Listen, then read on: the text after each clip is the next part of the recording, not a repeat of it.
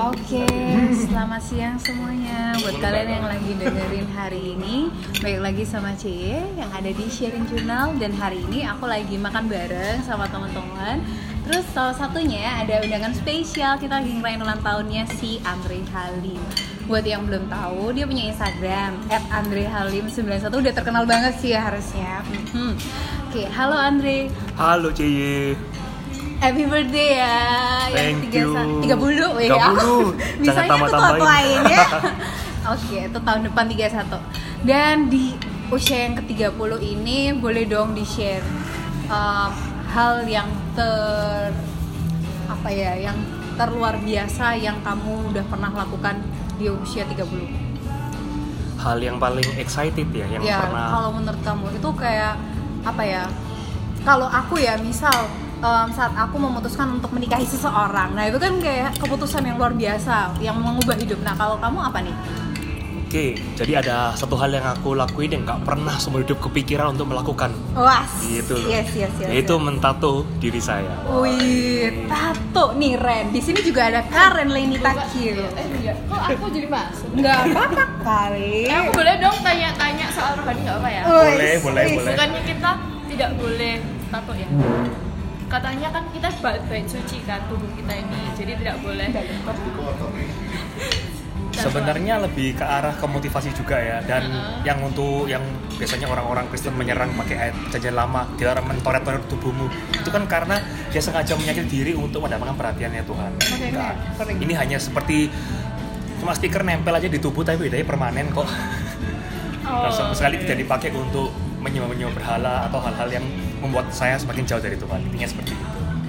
Jadi tergantung sudut pandang ya. Ya betul. Ini dari pandangan saya ya. Oke. Eh, oh ya, kok mungkin bisa diceritain nih tatonya apa nih? Jadi ini tatonya em, tulisannya karma tapi dalam bahasa Ibrani. Jadi nah, gimana tuh karena tuh? Nah, karma ya.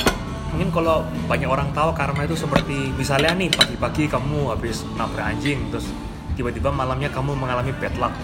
Sebenarnya itu bukan karma sih. Karma itu lebih ke arah sebenarnya arti sebenarnya karma literal literal itu artinya action. Jadi setiap semua aksi yang kamu ambil, every small action yang kamu ambil itu bakal menentukan masa depanmu. Oke. Jadi em, kalau dalam bahasa Inggris nih boleh ya whether bad or good things that happens in your life is because you choose to take or not to take the right action at the right time at the right place. Dari itu makna dari tatoku sendiri. Dalam banget ya. Ya jadi di umur 30 ini aku pengen uh, memberikan hadiah buat diriku sendiri yaitu sebuah peringatan apa pun yang aku lakukan 10 tahun 20 tahun lagi ke depan itu akan menjadi tanggung jawabku jadi kalau misalnya aku sekarang masih males-malesan 10 tahun lagi aku nggak bisa beli rumah nggak bisa punya mobil sendiri itu karena kesalahanku sendiri Hmm. Gitu. Oke. small action Perasaan lu udah punya apartemen deh, belum?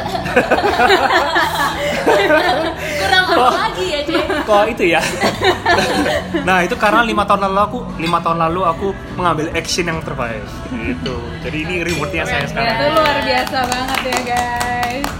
Oke. Jadi Andre, ini kan uh, podcast kita biasanya ngobrol tuh about bisnis. Boleh dong sebelum kita tutup podcast hari ini kamu kasih uh, tips or pesan-pesan buat teman-teman startup yang lain nih. tips dalam apa ini? Bisnis? Iya. tips dalam bisnis. Em, jangan malas belajar jangan malas baca buku karena buku itu penting juga. Terus riset gunakan Google sebaik-baiknya gunakan YouTube sebaik-baiknya. Banyak source gratis di luar sana yang bisa kamu dapatkan.